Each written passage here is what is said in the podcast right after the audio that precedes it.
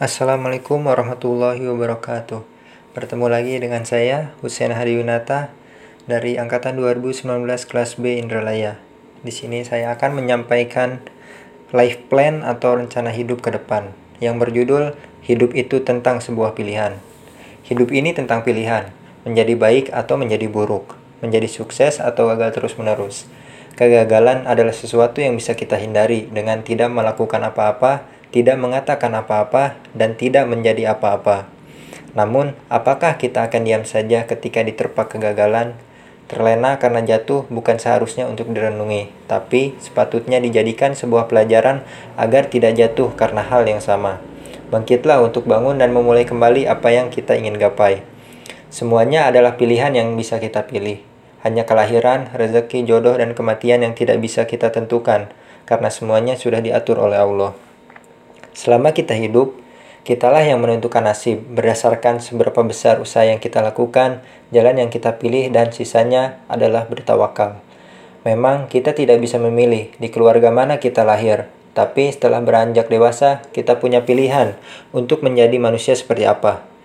Di masa yang akan datang, kita tidak tahu hal apa yang akan kita hadapi. Tantangan dan cobaan akan mengubah kualitas hidup kita menuju derajat yang lebih tinggi. Allah tidak akan memberikan suatu cobaan kecuali seseorang itu mampu menghadapinya.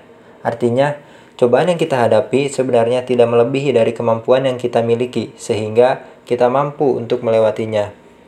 Tinggal apakah kita ingin menaklukkannya atau malah kabur dari cobaan tersebut. Hidup seseorang ditentukan oleh dirinya sendiri, bukan oleh orang lain. Untuk apa orang lain mengatur hidup kita, dan untuk apa juga kita mengatur hidup orang lain. Setiap orang memiliki jalan hidupnya masing-masing.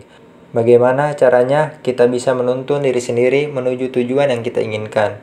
Pertama, buatlah daftar tujuan atau target apa saja yang ingin kita raih secara spesifik. Contohnya, ingin menjadi direktur di Pertamina, ingin punya rumah dua tingkat, ingin punya mobil BMW M3. Jelaskan secara rinci target kita dan jangan tanggung-tanggung untuk menentukannya.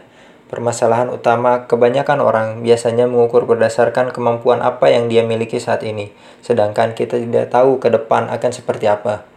Tingginya suatu target akan menentukan seberapa besar usaha kita untuk menggapainya. Saya punya cita-cita persis seperti ayah saya, ingin bekerja di pabrik petrokimia hingga ke luar negeri. Banyak pengalaman dan cerita yang bisa saya kumpulkan untuk disampaikan di suatu saat nanti setelah sukses. Pengalaman tersebutlah yang menjadi pembeda petualangan seseorang. Tujuan selanjutnya adalah berkeliling dunia, menjelajahi luasnya dunia ini. Semakin banyak yang kita lihat, semakin membuat sadar bahwa dunia ini tidak terbentuk secara tiba-tiba dan tanpa sebab. Masih banyak hal lain lagi yang saya ingin wujudkan di masa depan. Namun, terlalu fokus terhadap masa depan dan mengabaikan masa kini bagaikan meraih target hidup tanpa sebuah fondasi.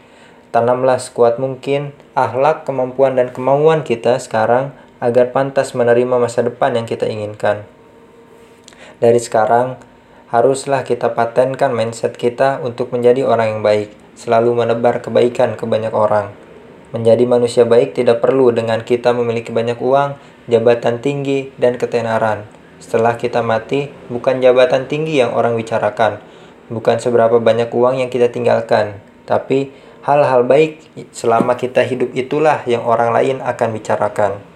Hidup itu memang sederhana, tergantung kita menyikapinya. Suatu masalah akan menjadi masalah jika kita mempermasalahkannya. Hidup itu tidak sebegitu ribet jika kita tidak pernah mengeluh.